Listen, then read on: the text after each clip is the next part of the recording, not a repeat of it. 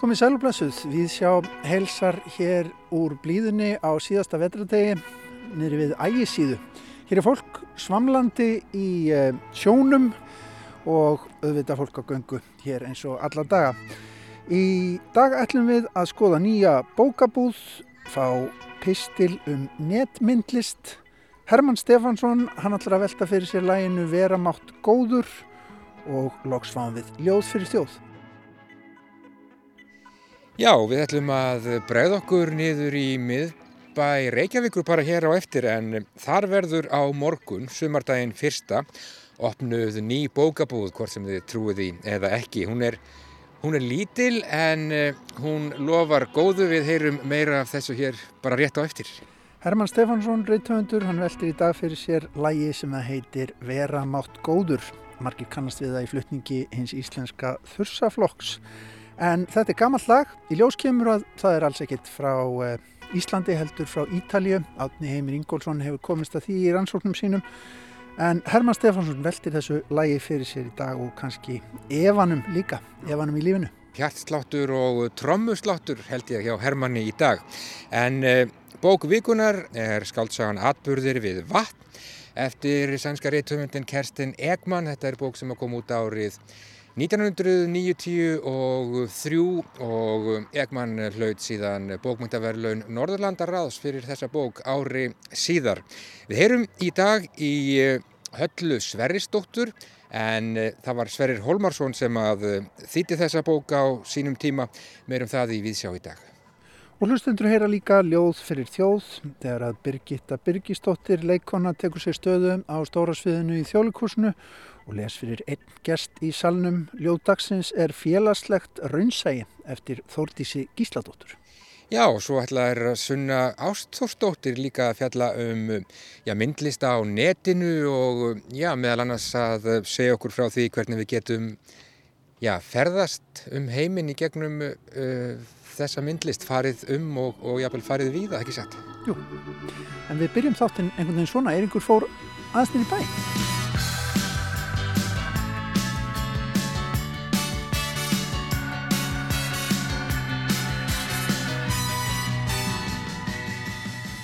Jæja, þá er þessi vetur úr bæ á getur hlustendur svona nokkur veginn að minnstakosti.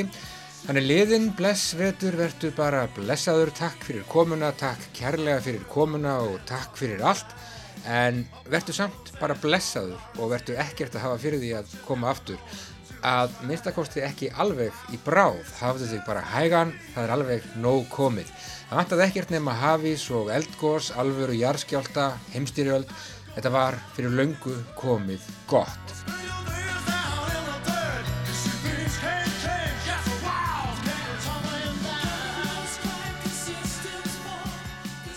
Ágættu hlustendur, ég eh, ætlaði mér að hafa þetta einhvern veginn svona í dag en nei, ég sá að mér. Í stað þess að sitja hér á rúmstoknum á heimili mínu við Hjardarhaga í Reykjavík og ramta um veturinn sem nú kveður bráðum kveðja veturinn og róta hann, stein róta hann, ákvaði ég að horfa til framtíðar til sumarsins, það er jú sumardagurinn fyrsti á morgun. Og uh, hvað sem menn segja um ástandið nú, hvort sem menn eru bjart sínis, afglapar eða svartakals megin í tilvörunni, þá vekur sá dagur einn og sér sumardagurinn fyrsti vonir um betri tíð, bara það eitt að vita af honum á dagatalinu, það er gott. En verður samt og eigað síður svo ég klára þetta, bara blessaður vetur, takk fyrir komuna, verður ekkert að hafa fyrir því að koma aftur að minnstakosti ekki alveg í bráð. Ég ákvað sem sé að bregða mér niður í bæ.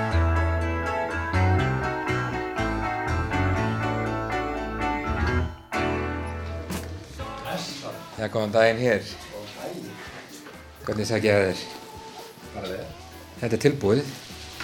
Já, svona um það byrj. Fallegt. Kósi skulum við segja. Já, það er þetta ekki anda minnar útgáðu líka.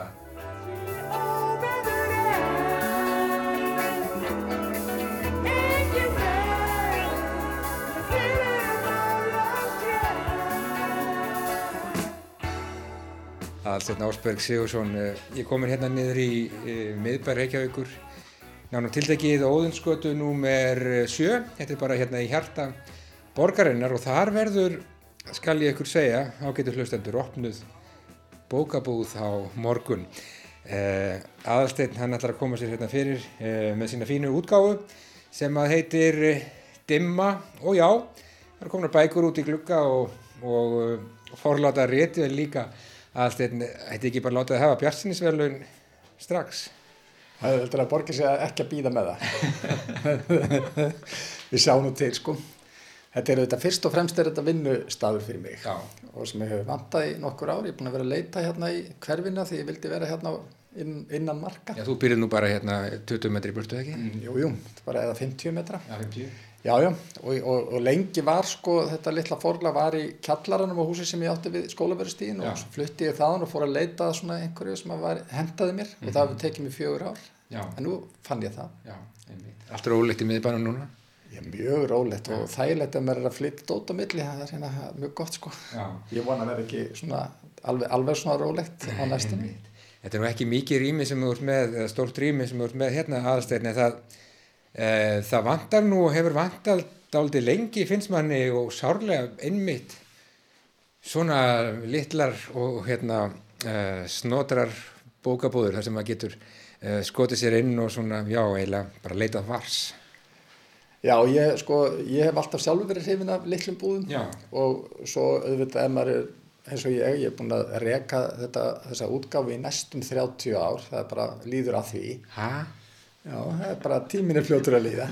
En þá fer mann að vanta andlit Já, og einhvern veginn að og hugsa að vita hvað hérna og, mun, og fyrir mig bara til að muna hvað ég hef gefið út, þá eiginlega þarf ég að hafa allt svona sýnilegt í kringum mig. Já, þetta er svo slæmt. Þetta, já, þetta er svo slæmt sko, þetta er orðið margir titlar, ég, bara, ég hef ekki alveg töl á þeim en þeir eru, einhver, þeir eru eitthvað á þriðja hundraðið. Já.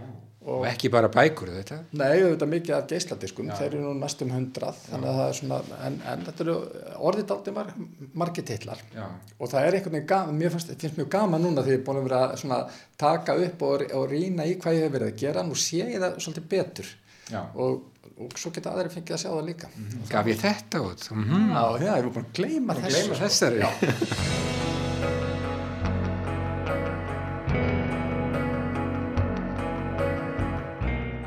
Auðvitað er ekki allt til, sumt hefur sem betur fer hérna Rokið út. rokið út og, og horfið en, ímislegt er til og ímislegt kemur í ljós og maður finnur kannski eitthvað þegar maður er að gramsa á lagarnum sko.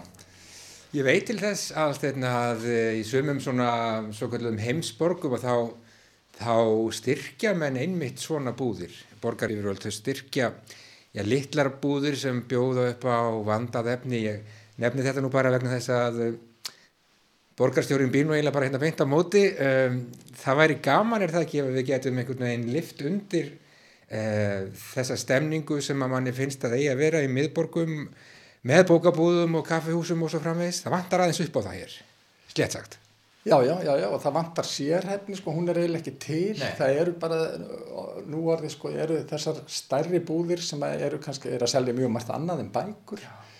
og sem er ágætt og þær verða vist að gera til þess að geta lifað af sem stærri búðir, Já. en svo er alveg hægt að vera með og man, auðvitað man ég þá tíð þegar voru, sko, tvær fornbókavestanir hérna á betur. Uh, það voru margar búður við hverfiskutuna pínulilla búður, Já. bara svona sem kallar eins og ég voru að reka og hérna hafði áhuga á því og, og þær voru ekkert stærri en þetta, það voru bara mjög smáar Og leiðið minn allt farið. já, það, þetta hefur, hefur ekki verið hægt því miður er mjög það, það er erfitt að finna húsnaði sem að stendur, sko það sem er ekki svo dýrt að leia að maður geti eiginlega með góðum Já. já, með, já það er bara það er erfitt hér á þessu sveið Nákvæmlega.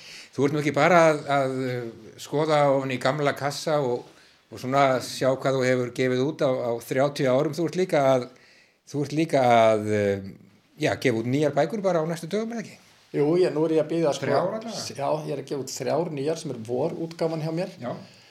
Og nú er skipið bara á leiðinni ég var að fá tilkynningu um það að hérna vonandi er það á áætlun sem sagt, að- Vorskip. einhverja, já þetta er vorskipið sko það er á leiðinni með, með bækurnar Já. og hérna og nú er ég að gefa út sagt þittar bókmentir, ég verði eitthvað að stýra því þannig að þær komi fyrir ekkar á vorin Mhm.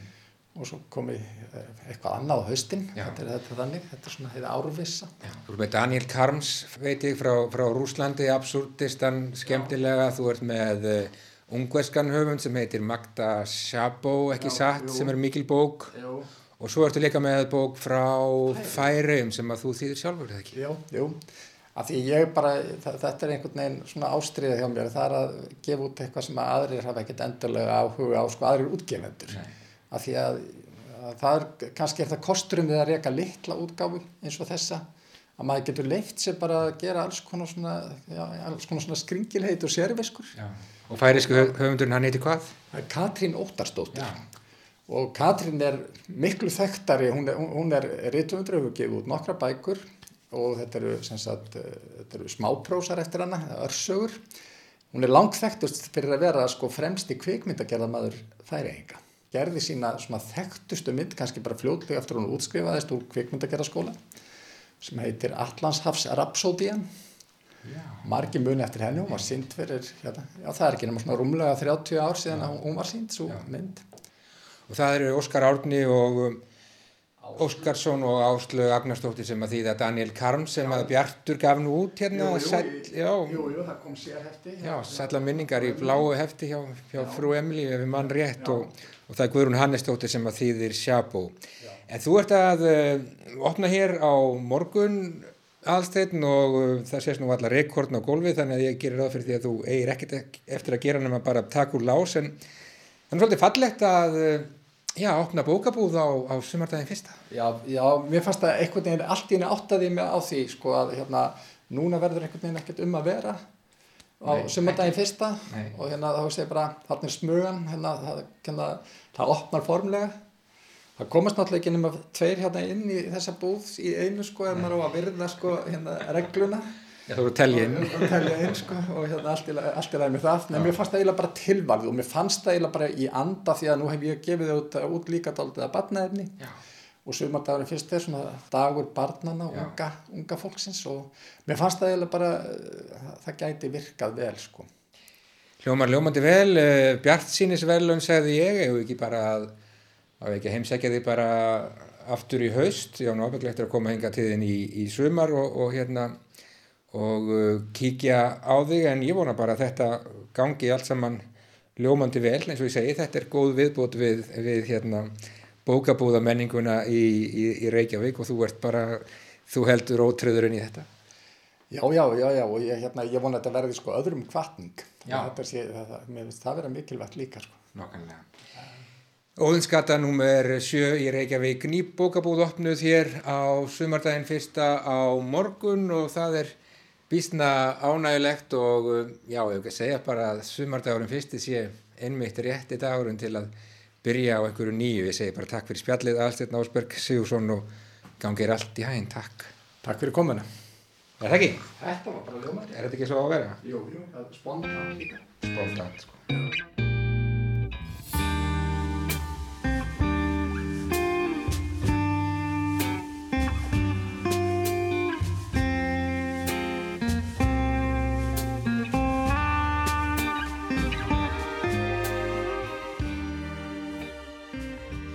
Já, örlítil kaffihúsa stemning, eh, Kaffi Blue Style Council árgerð 1980 og fjögur. Ég veit ekki hvort að aðalsteinn Ásberg ætlar að bjóða upp á kaffi í nýju bókabúðinni sem hann opnar á morgun. Ég held ekki, ég sá að minnstakosti enga kaffivél hjá honum. En gott framtak sannarlega og já, hann er eiginlega að gefa gott fordæmi með því að opna nýja bókabúð í miðborginni. Þeim hefur fækkað bókabúðunum þar eins og allir vita en Já, sumardagurinn fyrsti, það er held ég hárrétti dagurinn til að opna nýja bókabúð. En næst hugum við að netmyndlist Sunna Ástórsdóttir senda okkur þennan pistil. Í pisli dagsins dvelja við list sem raungerist á internetinu. Verk sem hver sá sem hefur aðganga nettengingu getur upplifað. Netlistin er heill hafsjór af fjölbreyttum verkum en áfangastæðir mínir í dag eru listaverkur netheimum sem á einhvern hátt hafa áhrif á það rými sem áhorvendur eða áheyrendur eru í þegar þau upplifa verkin. Verk sem bæta við, þrengja sér inn í, móta, stækka eða leysa gjörsamlega upp þann stað sem viðkomandi er stattur á hverju sinni eða verk sem opna leiniherbergi. Við skulum fara saman í smá ferðalagi gegnum vafragluggan með orðum fræðimannsins, skáldaðs samstarfsfélaga íslenska listamannsins Fritz Hendrik má segja að vafraglugin sé töfragluggi, gluggi sem getur breytt ákverðunarstað eftir skipun. Árið 2016 setti Fritz upp vefsýninguna Which Window á heimastöðu sinni. Á síningunni byrtast ímsar útgáfur af gluggum, þessum gegnsæju skjáum sem við horfum í gegnum, til að sjá hvað leynist hinum einn við vekkin. Í meðferðum Fritz eru gluggarnir sveipaðir grári slikju sem gerir það verkum að við áhörvendur getum aðeins rétt ímyndað okkur hvaða heimur býður okkur handan glersins. Þessi síning er ágætt upphaf vafraflags okkar í dag, ákveðin nullstilling. Vafraglugginn getur nefnilega síndir nánast hvað sem þú vilt. Með einum smell getur þú gæst fluga á vegg einhver staðar allt annar staðar. Í aðfarar orðum síningar Fritz skrifaði fræðimadurinn eftirfarandi orð sem við skulum láta vera útgangspunkt okkar í dag. Glugginn ákvarðar ekki hvort það sem þú sérð sé rétt eða rámt. Það sem við sjáum er ekki ómengað en hann veitir þér tækifæri til að ferðast innan gríðarstórs nets fulli af mótsögnum og eftirlíkingum.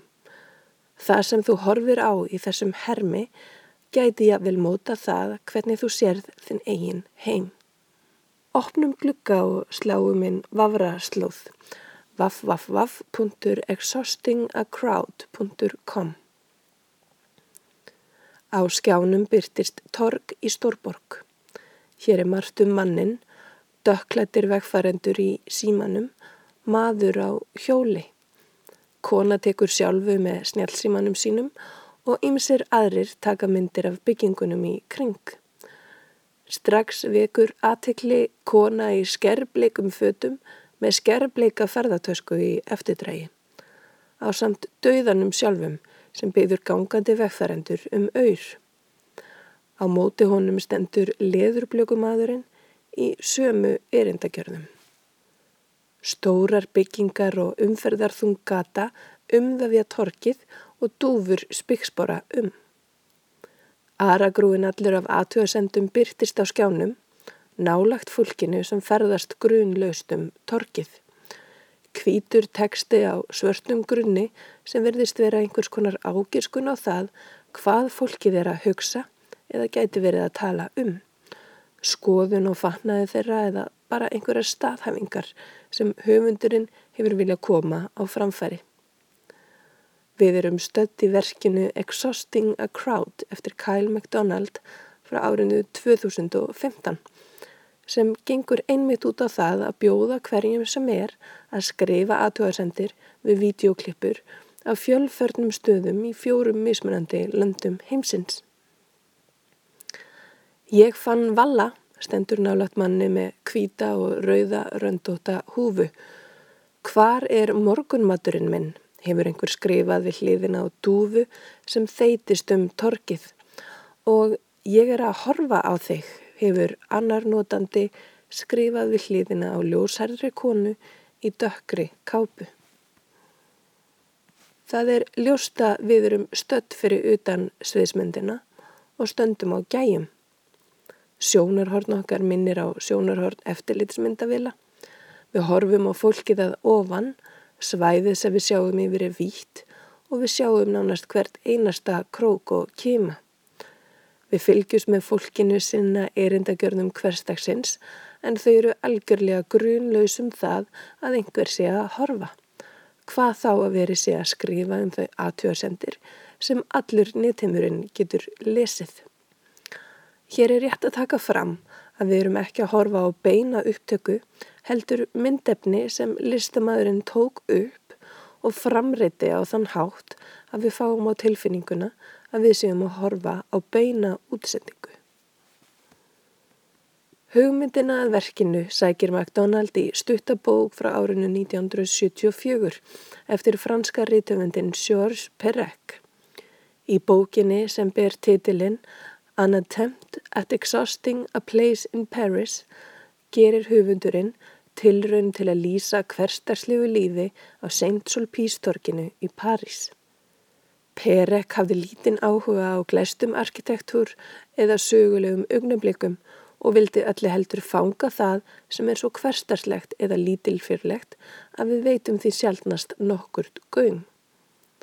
Á sama hátt beinir McDonald sjónum að hverstarslegum görðum fólks sem við þekkjum ekkert og býður hverjum sem er að tjásum þær og þar með móta verkið. Hér fá virkir í aðtöðasendum svo sannarlega að hefja upp röst sína. Ég hef ekki lesið bók Perek en ímynda mér að hún sé uppfull af hljóðulátum og jafnvel ljóðrænum íhugunum um atverðli annara. Netið er hins vegar hömlulegs staður þar sem allt væri að flakka. Línan á milli grófs yngrips í fríðhelgi engalífs annara og afþrengar er örþun. En lókum nú þessu gæjugati í byli og opnum nýjan glukka. Sláum inn slóðina tvöfaldvaf, tvöfaldvaf, tvöfaldvaf.ubu.com Ubu er vefur sem geymir aragrúa af hljóð, vídeo, dans og textalistaverkum eftir fjölda listamanna. Verkin eru ekki endilega sköpuð sérstaklega fyrir internetið en þau eru svo sannarlega aðgengileg okkur í krafti þess. Verkið sem við ætlum að skoða í þetta sinn er eftir listamannin Janet Cardiff. Það heitir að Large Slow River og er frá árunnu 2001. Verk Cardiff eru oftast bundin við ákveðna staði og það sama á við um þetta verk. Það var því ætlun listamannsins að þau sem upplifa verkið sé á röldi á ákveðnum staði í Norður Ameríku en ef þeir eru í sömu spórum og ég verður gungutúr hér heima á Íslandi að döga. Það er vist þannig að um leið og verk eru orðin aðgengilega á internetinu er það oftast úr höndum listamannsins hvaðan hver og einn ákveður að upplifa þau. Hello?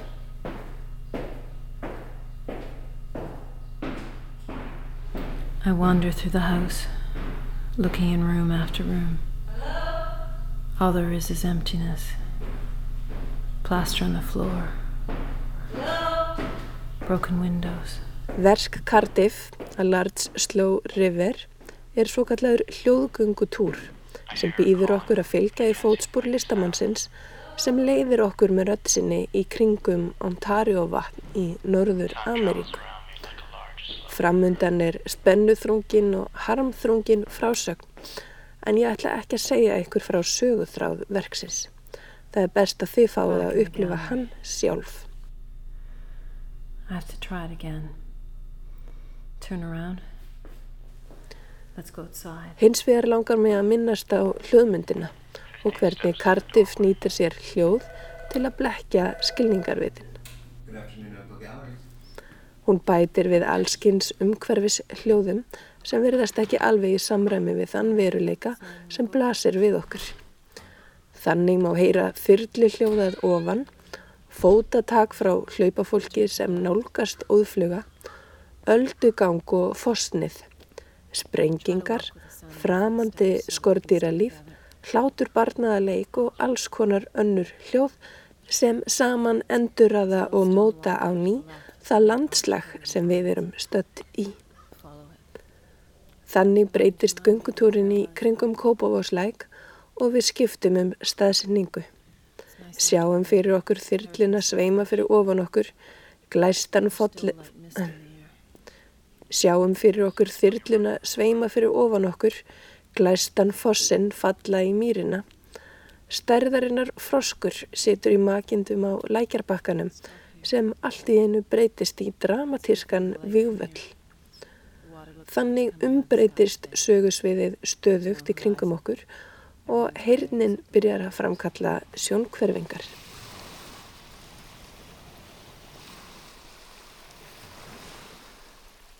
Þau eru mörg listaverkin á alnetinu sem hafa áhrif á rýmiskend okkar. Sum eru heimildur um eitthvað sem var eða mun hugsanlega vera, skapa eitthvað nýtt eða veita okkur einsýn á stað sem við eigum helst ekkert erindi á. Við verðum þá óneitanlega mun meðvitaðri um okkar eigin samastað. Já, það er nokkuð ljósta internetið heið óendanlega algeimi er yfir og allt um kring þessa dagana. Það er gluggi og jafnvel brú yfir í aðra heima. Nettengingin er könnun að fara á tímum þegar inniveran er farin að segja svolítið mikið til sín og hver krókur og kimi á eigin heimili er orðin alltof kunnuglegur. Framundan eru áframhaldandi ferðatakmarkanir sem jáfnvel fylgja okkur út sumarið en með aðstóð netsins getur verið að við náum að anda að okkur ferskri gólu annar staðar að og nánast komist hjá því að reyfa leggni lið. Saði Sunna Ástóstóttir og velti þannig fyrir sér hvernig netmyndlistin getur nýst okkur til þess að já, færa okkur úr stað þessa dana þegar við erum jú öll leila byggföst. Já, meir og minna. En uh, bókvíkunar hér á ráseitt að þessu sinni er um, skáltsagan Atburðir við vatn eftir sænskaritundin Kerstin Ekman, bók sem kom út ára 1993 og vakti þá Töluverða aðtikli Ekman hlaut bókmyndaverlu Norðlandaráðs ári síðar. Já, þetta er bókvíkunar að þessu sinni það var Sverrir Holmarsson sem að þýtti. Jórun Sigurðardóttir, hún fór og hitti Höllu Sverrisdóttur til að fræðast um þessa bók. Hljóð, hún vaknaði við það. Klukkan var fjögur um morgun. Fjögur 02 með rauðum stöfum klukkuútvarpsins. Gráljóst í herberginu. Á rúðunni var rákaminstur af regndrópum og fyrir utan gufaði rakin upp úr grasinu. Hún varði ekki hrætt, en vökul. Nú heyrði hún hvað þetta var. Bílvél í hægagangi. Engin gæti átt erindi upp eftir til hennar svona snemma. Satti sem lág á gæru skinni við rúmið hennar svaf enþá. Hún var 13 ára og bísna hirtnarsljó.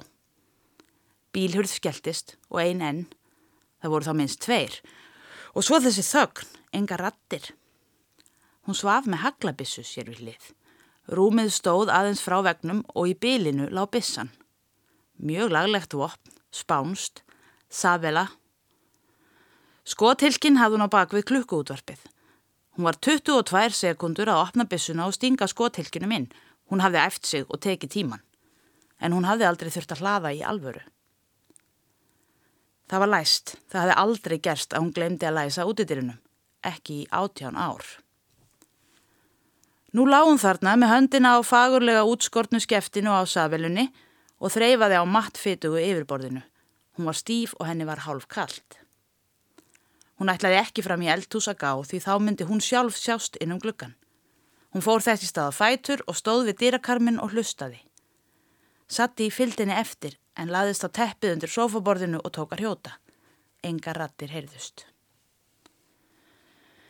Lóksins fór hún samt fram í eldhús, án bissunar. Það er vist þannig sem maður gerir. Maður heldur að allt fari vel.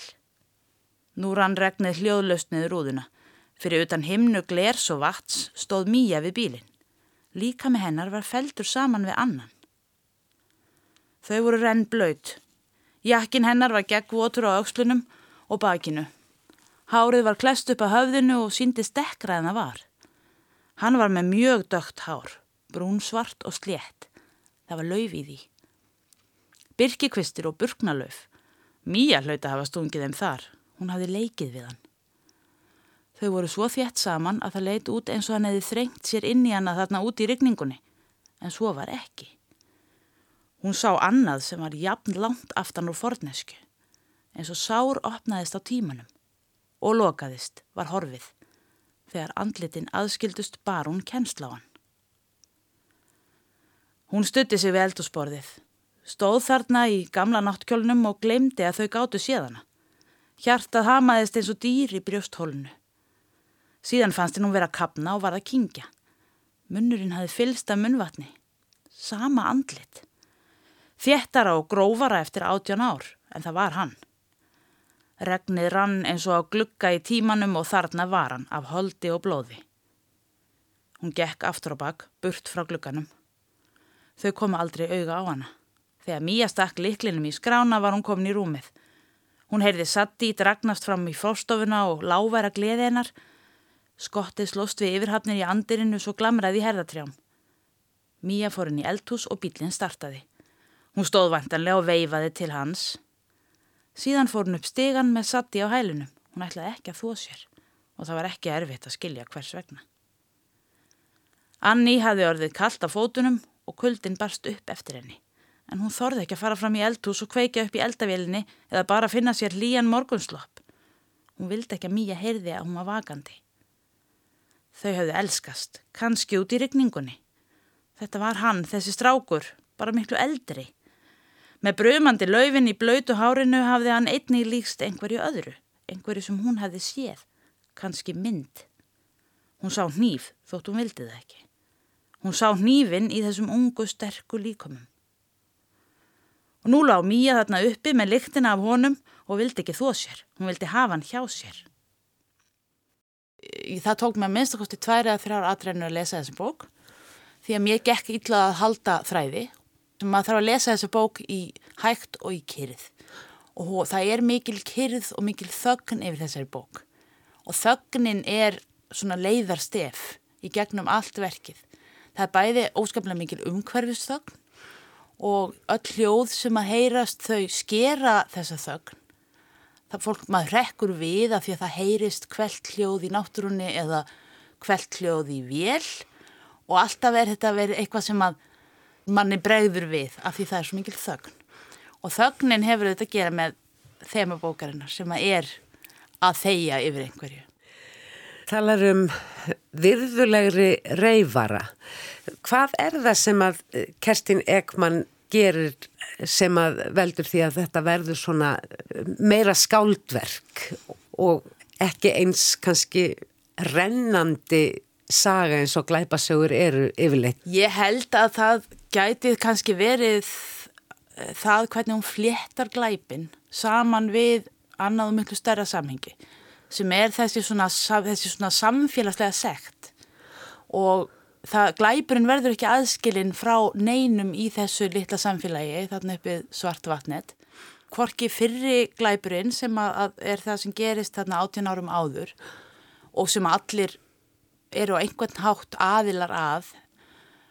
Ég síðan setni atbyrðurinn þetta er allt eitthvað sem að samfélagið tekur einhverja svona kollektífa ábyrð á með því að þeia og með því að bæla og og þessi þögn og, og þessi yfirhylming smígur inn í allt þetta litla samfélag og hefur miklu stærri og meiri afleiðingar. Og það er kannski áhugavert líka að er, þetta er utanakomandi fólk sem er fórnalömpin í uppröðanlega glæpnum. En það er samfélagið þarna uppfrá sem að tekur ábyrð sammeiglega á honum og það spillist innanfrá. Og setna meir þegar semst, ég manna að Dagni Kristjánsdóttir bendir á það í benda það á sínum tíma að þessi spilling samfélagsins gerir það síðan ófært um að takast á við sitt ytraumhverfi og, og ógnina sem stæðjar að því utanfrá. Sjúkt samfélag getur það tekist á við verkefni og, og áskoranir. Það var einmitt það sem ég ætlaði að spyrja þið næst. uh, var á hvaða hátt helst er þessi bók sem að kom út fyrir 25 árum og er, eins og þú segir, aðurum þræði glæpasaga, reyfari, hinnum þræðinum í rauninni sálarlífslýsing á samfélagi. Hvað er þetta án í dag? Mér stund tala mjög beint inn í þessa umræðu sem hefur verið mjög lifandi undanfæri misseri um þöggun og um það að þeir yfir hlutum og ég öllu heldur maður að segja andofið gegn því. Ég held að við getum fundið samljóm í þessari sögu með öllu þessu. Hún gaggrinir mjög, mjög, með mjög beinum hætti í rauninni bara það sem slíkt að segja ekki alla söguna og að reyna að bæla niður sannleikan. En um leið er það að segja ekki alla söguna, setja söguna fram með mjög brotakendum hætti, líka hennar aðferðið að skapa spennu í sinna eigin sögu. Já, já, og þannig að þýleið til er sagan náttúrulega klassísk stiðstum við bara klassískar frásatnaraðferðir klæpasögunar og reyfarans. En þessi samfélagslega vít er mjög sterk í, í bókinni og ég held að hún sé alveg hyggstalaust að, já, það má kannski segja, nota sér eh, frásatnaform sakamálusögunar til þess að færa okkur þessa, þennan gamla sannleika að, að það sem að, að sannleikurinn leitar alltaf út. Hann gerir það með einhverju ráðum og það er ekki alltaf sársökalöst þegar hann á endanum gerir það. Þeim mun dýbra sem hann er grafin, þeim mun harkalegri verður útrásinn þegar hann brist fram. Við töluðum um glæpin morð sem er jú klassískur í reyfara en þannig er líka verið að fjalla um annars konar glæp, annars konar morð. Já og það er náttúrulega náttúran er samofinn við alla hennar frásögn og alla hennar texta og í, uh, það eru fjölmörg dæmi um það í bókinni að, að, að náttúrulýsingarnar hjá Ekman sem eru langar og, og ítarlegar og geta stundum gert þýðanda svolítið Já, ég vil ekki segja þreytan en, en stundum svolítið það þurft að fletta mikið upp mann ég. En þessar náttúrlýsingar þær eru nánast, þær eru nánast líkamlegar. Það er, hún notar líkamleg orð til að lýsa náttúrunni og fyrir viki verður náttúrun eins og lífandi vera. Hún verður bara eins og risastór líkami. Ekki bylnis persóna. Ég upplýðaði meira eins og bara einhvers, einhvers konar svona líkamlegt landslag sem að er hluti af æðakerfi og, og lífkerfi og tauðakerfi þessara persóna en jú glæðir hann ekki mannlegum eiginleikum en hún gerir hann hins vegar að einhvers konar svona öndunarkerfi þessar fólks. Ég vona að þú hafði haft ánægjaði að rifja upp þessi gamlu kynni við Kerstin Ekman. Já, ég hefði þetta sannlega. Takk sem við leiðis. Jórun rætti þarna við höllu Sveristóttur um skáldsöguna Atburður við vatn eftir Kerstin Ekman. Og sunnudaginn þá ræðir Jórun síðan við þá Pál Valsson, reytuvund og bókmyndafræðing og Þórð Helgason, dósend í íslensku á mentavísindasviði Háskóla Íslands um þessa bók. Já, og frá því að huga að eh, bókmyndum þá ætlum við að huga næst að tónlist og fornri tónlist ef úti það er farið. Herman Stefánsson hefur verið að velta fyrir sér lægi sem að íslenski þursaflokkurinn já, gerði nánast hvað maður segja, vinsæltir ykkur? Jú, það er ótt að segja það. Þegar ég horfið á heimildamindina um þursaflokkin í sjónvarpinu á dögunum áttaði ég mér loksins á því af hverju eitt Íslands þjóðlag í flutningið er að höfðar svo mjög til mín. Trommuleikurinn er hjartsláttur manneskjunar. Það er ekki hægt að hann að hrífast með þegar takturinn hefði innra og að því ytra eru í samræmi. Eða svo ég byrja á einhverju öðru en byrjunni hafa orðið breytingar í hljómfalli íslenskar tungu sem eftir því sem ég best veit eru lítið rannsakaðar. Tónlistin í tungumálunni er að breytast, rinjandin, tónfallið og líka hljóðin. A er að breytast í E, ekki gera þetta, angin grætur Íslanding eða Æslanding, það er helst að fólk með næmt tóneira taki eftir þessu og þá málfræðingar getur þetta haft næmt tóneira er mér sagt að áhersla hafi ekki verið á þess að það rannsóknir á tónlist og tungumál undan vatna áratögi. Egil Ólásson söngvari með meiru nefndi þetta ofnbæru vettfangi ekki alls fyrir löngu og ég held að hann hefði lög að mæla. Þannig þróun fylgir ekki endilega sömu lögmálum og aðrar breytingar á tungumálinu. Hún geti sem best haldist í hendur við þróun í tónlist. Spurnarhljómur getur auðvitað breyst fyrir áhrif frá öðrum tungumálum en það er allavega ekki útilokað að hann haldist í hendur við breyta vitnundum tónlist eftir því hvaða tónlist er í gangi hverju sinni. Segjum bara suðtón barna Má ég fá ís? Hann hefur örglega ekki verið til í sömu mynd árið 1960. Er þetta ekki svo mikið sem ein sexund? Tónbilið er ekki endilega komið úr ennsku, allavega er sami spörnartótt til í spænsku. Kanski hefur það gerst fyrir áhrifin nýra hefða í tónlist að börn aukvöldöðu að það mátti ná ansi góðum árangri í söði með sexund. Og þá er kannski vikið spörnartótt sem fyrir var á íslensku sem ég ætla að gíska sem glanalegast á að hafa verið fimmund. En ég vist að tala um tónlist og tala mál, fimmundir. Árið 1960 kom þetta lag hér út á plötunni Íslensk þjóðlug.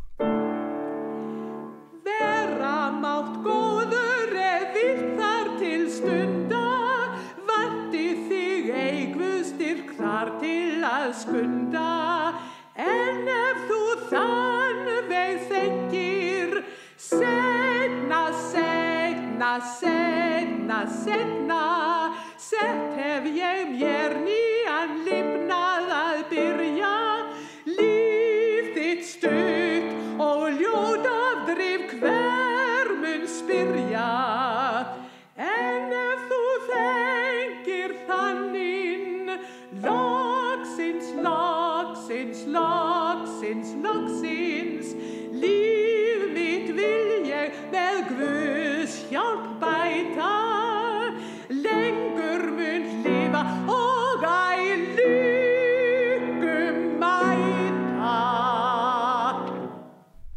Engel Lún og áhrif hennar á íslenska tónlist þarf ekki að fjölur það. Lægið Veramátt góður er eittið ofinnilegasta í safni Bjarnar Þorsteinssonar af íslenskum þjóðlögum og ólíkt flestum öðrum gömlum lögum. Það er í handritinu melodíu og ekki öðrum handritum. Tónbennilur stór og stökkin löng í fimmundum og sexundum og lægið spannar vitt tónsvið. Bjarni telur líklegt að það sé einhvers konar bassasólo að stofni til. Svo óvinnilegt er lægið að það virðist engan sinn líka eiga og varðlaða neitt hafi beilinist tekið upp þennan þráð úr íslengri tónlist, nema kannski Jórun Viðar. Tónskaldin Jón Áskersson og Ríkarur Vörd Pálsson hafa þó útsett þetta tiltegna lag og notaða í tónsmíðar sinnar. Þegar manni hefur verið sagt að laglínan sé bassalína og að aðalínuna vanti er það auð heyranlegt og við það breytist lægið. Maður er frjálsaði að ímynda sér þá aðalínu sem manni sínist. Svo breytist lægið enn þegar rannsóknir bregða á það nýju ljósi. Átni Heimir Ingólfsson, tónlistafræðingur, gerði sér lítið fyrir og fann uppruna lagsins og þar með aðallínuna og reyndar tvær línur til viðbótar því lægið er fjórrata tónsmíð sem byrtist í ítalskri söngbók sem var prentuð í Fenum árið 1544. Átni Heimir fjallar um Veramátt góður og fleiri lög í tímaritunni Griplu árið 2012. Íslenska lægið er að sönnu bassalína upprunalega lagið er svo kallar Napoli-söngur, villaneskur í stíl, lást þetta söngur. Átni Heimir segir slíka söngva hafa verið mótvægi við alvöruð þrungna madrigala og gerðnan sungna við léttúðug ástarkvæði. Hann byrstir hluta á nótunum. Eðlilega er efstalínan, aðal sönglínan, miklu einfaldari en bassalínan sem er nokkurnu einn alveg eins og í vera mátt góður. En breytir það skilningi manns á söngnum að sjá hvers konar texti var uppröðnulega sungin við lægið. Ítalki textin er eftir ókunnan höfund en það þótt lægið auðvísur höfund, Francesco Cordesia, sem átti eftir að verða kapellumeistari við Medici-hirðina, ekki beilinist nýtt brautriðandi sem tónskáld en virtur þó fyrir tónsmíðar sínar. Formið, hinn nýju gödusöngur, sem ættaður er frá Napoli, er umdeld og stundum forsmáð alþýðulist. Þó átti það sér forsvarsmenn sem byggðu brýr millir sönghæfða, tengdu alþýðilega og verallega danstónlist við trúarlega tónlist borgarastjættarinnar með útsefningum. Átni heimir nefnir hálæran organista og nefnir að í útsendingum eru samstígar fimmöndir sem skera í viðkvæm eiru fjarlæðar. Tekstinn eftir í naflösa skáld er eftir sem aður léttuður ástarsöngur. Madonna nokkur hefur enga uppörðun ljóðmælandunum viljað veita þótt hann elskjana og allan daginn krunkar krákan og veit ekkert um brennandi kvöl mína. Endurdenningin sem í íslenska textanum er á orðunum setna og loksins er krunk á ítölsku. Krá, krá, krá, krá, krá, krá, krá, krá. Krákan er algeng mynd í ítölskum alþjóðkvæðskap, segir Átni Heimir. Hér er krunki hennar alltaf að minna á hvennmann sem reynir á þólrif elskugans með orðagjálfri sínu. Íslenski textin er vissfilega af allt öðrum toga. Hann er alvörugefnari og með engu krunki sem hann leika sér að og er sérlega sönghæft eins og krunk auðvitað alla jafna er. Raunar er hann ekki bara alvörugefin heldur beilinni strungalegur. Það er eiginlega það sem er skemmtilegt við hann. Anstaðan millir léttleikandi tónsmíðarinnar og þunga textans og nú fer ég með eigin skoðanir, ekki rannsóknir átna heimis. Það er eins og höfundur íslenska textans sem er jafn óþektur og höfundur þess ítalska leggir sér beinlinnis í líma við að láta þingslalegustu textalínurnar standast á við fjörugustu tónana. Sönglína sem endar með tónbili upp á við og í byrtu er með texta sem er niðri fyrir og öfugt þegar sönglínan endar neðar er heldur meiri uppörfun í textanum. Því þetta er uppörfun, heilraðasöngur, bara svo litið rissingsleg og dökk uppörfun. Veramátt góður er vilt þar til stunda. Þú getur alveg verið góð manneskja ef þú hefur áhuga á að prófa það. Vanti þegar ég guð styrk það til að skunda eða vantar ekki styrk guðs til að kýla það. En ef þú þann veg þengir hvaða veg? Hvaða merkir þessi ávarpslína skyndilega skiptir tekstin úr ávarpi í annari personu yfir í frásögna fyrstu personu en fyrst kemur þrástefið, endur tekningin setna, setna, setna, setna. Hvað merkir þetta eiginlega? Er orðið setna í samhengi við fyrirljóðlínu að ef hinn ávarpaði þessi haldin myrkum hugreiningum skulu hann slá þeim á frest þanga til setna? Tja, bræðliðirnir segja manni að orðið setna tilheri næstu línu á eftir. Sett hef ég mér nýjan lefnað að byrja. Setna ætla ég að byrja nýtt líf. Og þá gjörist textin fyrst hryssingslegur og íslenskur í sér. Aftur er skipt úr fyrstu personu yfir í ávarp. Lífið stutt og ljót afdrif hver mun spyrja. Einhvern svolítinn spöl eru þau orð frá því að geta talist einlegast í kærleiks og uppfræðslu vilji fremur en hráslægi en þó er ekki að vita nema í þeim búi talsverð hlýja, uppörfun og hressing. Það er eins og ljóðmælandi hafið hugsað sér að sparka í viðmælanda sinn einmitt þar sem hann hefur gert sér ángrið viðkvamast og þjáninguna heilegasta. Eins og sagt sé, hver heldur þú eiginlega að manni frétta að fínu stutta lífi og ljótu endalókum? Eða hvernig ætti ég að umorða þetta? kannski bara með texta Freddie Mercury í Queen Don't try suicide, nobody cares One, two, three, four, one Yeah eins og allir vita takast á í sálarlífi mannsins tvö andstað öll, dauðakvöld og lífskvöld svo ég vitni í personu í fjandi góðum nýjum framhaldsþáttum á Netflix Sigismund Freud. Dauðakvöldin er í senn árásakvöld og lífskvöldin ástarkvöld Um leið og ljóðmöðlandin í veramátt góður hefur frætt viðmælanda sinn í svona líka hressu lægi á því að engi muni fregna um líf hans endur tekur hann stefið um að þengja þann veg með svolítið tilbreyði enn ef þú þengir þannig og nú er enn orðið enn með tveimur ennum í handlutinu sem átni heimir vísar í. Að þú ert enn í þessum pælingum.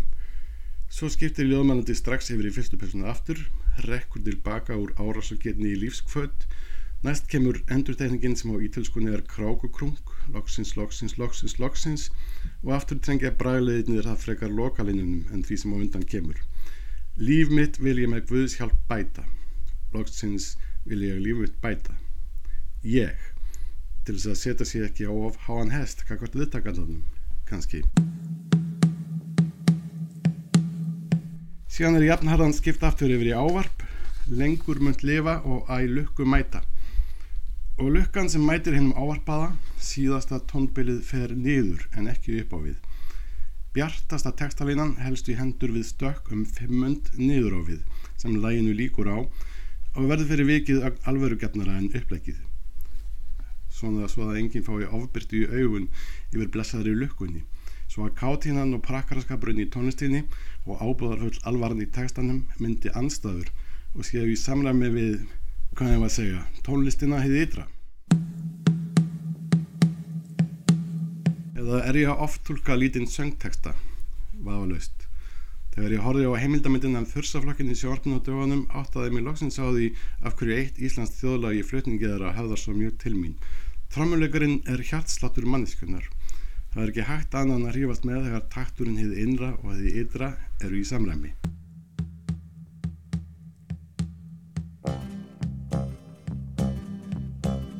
Vera mátt góður ef vilt þar til stunda Vandi þig eiguð styrk þar til að skunda En ef þú þann veg þengir Setna, setna, setna, setna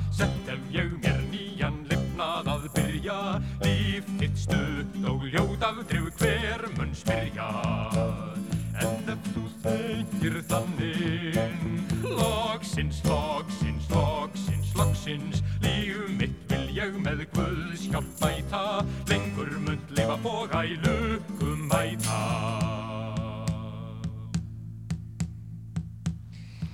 Já, þursaflokkurinn vera mátt góður lag af fyrstu plötu hljómsveitarinnar sem kom út árið 1978. Herman Stefánsson með kenningar á lofti, þetta var um hjartslátt, trommuslátt og raunar margt, margt fleira. En þá leikur leið okkar niður í þjóðleikús, þar er leikona sem að er að gera sig klára til þess að ganga á svið, til þess að lesa ljóð fyrir einn gest í Stórasalunum. Ágæti leikúsgestur Sigurborg Röggvaldsdóttir. Vertu hjartanlega velkomin í þjóðleikhúsið. Vinsamlegast slögtu á farsímanum þó svo að ljós frá honum trubli ekki aðra gesti. Góða skemmtun.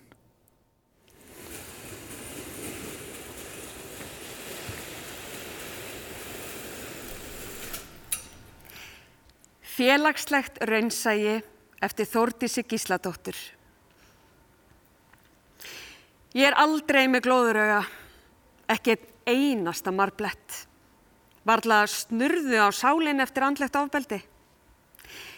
Ég hef kvorki komið í kvenna atkvarfið, nýje í ráðgjöf til stígamóta.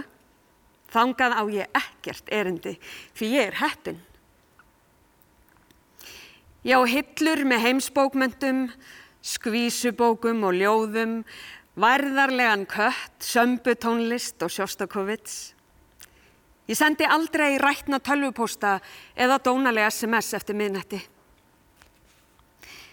Líkami minn hefur ótvírætt skemmtanagildi, þrátt fyrir að hann standi líkama ástísa ránar langt að baki.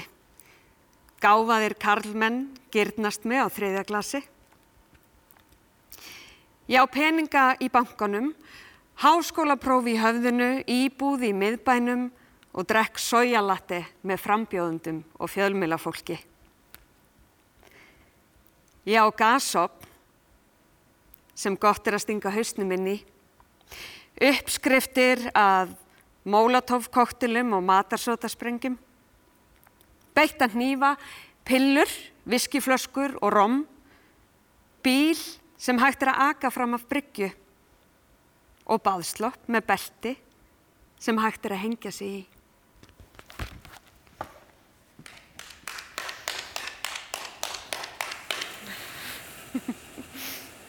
Takk.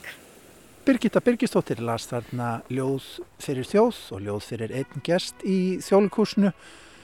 Ljóðdagsins var eftir Þórdísi Gísladóttur og heitir Félagslegt raunsægi. Gaman að segja frá því að Þórdís Gísladóttir er allar einmitt að já, hef ég hér nýja pislaröð hjá okkur í Víðsjá í næstu viku. Já, við förum að segja þetta gott hérðan úr vorblíðunni hérna við ægisíðuna. Uh, við erum að kveðja veturinn og uh, já, er ekki bara komið nóg að þessum vetri, Guðni? Jú, það sýnist mér og það sýnist mér líka á fólkinu sem er að svamla hérna fyrir utan uh, ægisíðuna í sjónum. Þetta er bara fínt. Já, held ég bara gott að, gott að segja bless við þennan vetur. Heldur betur. Við þökkum samfélgina bæði í dag og í vetur ákveldur hlustendur. Verið sæl.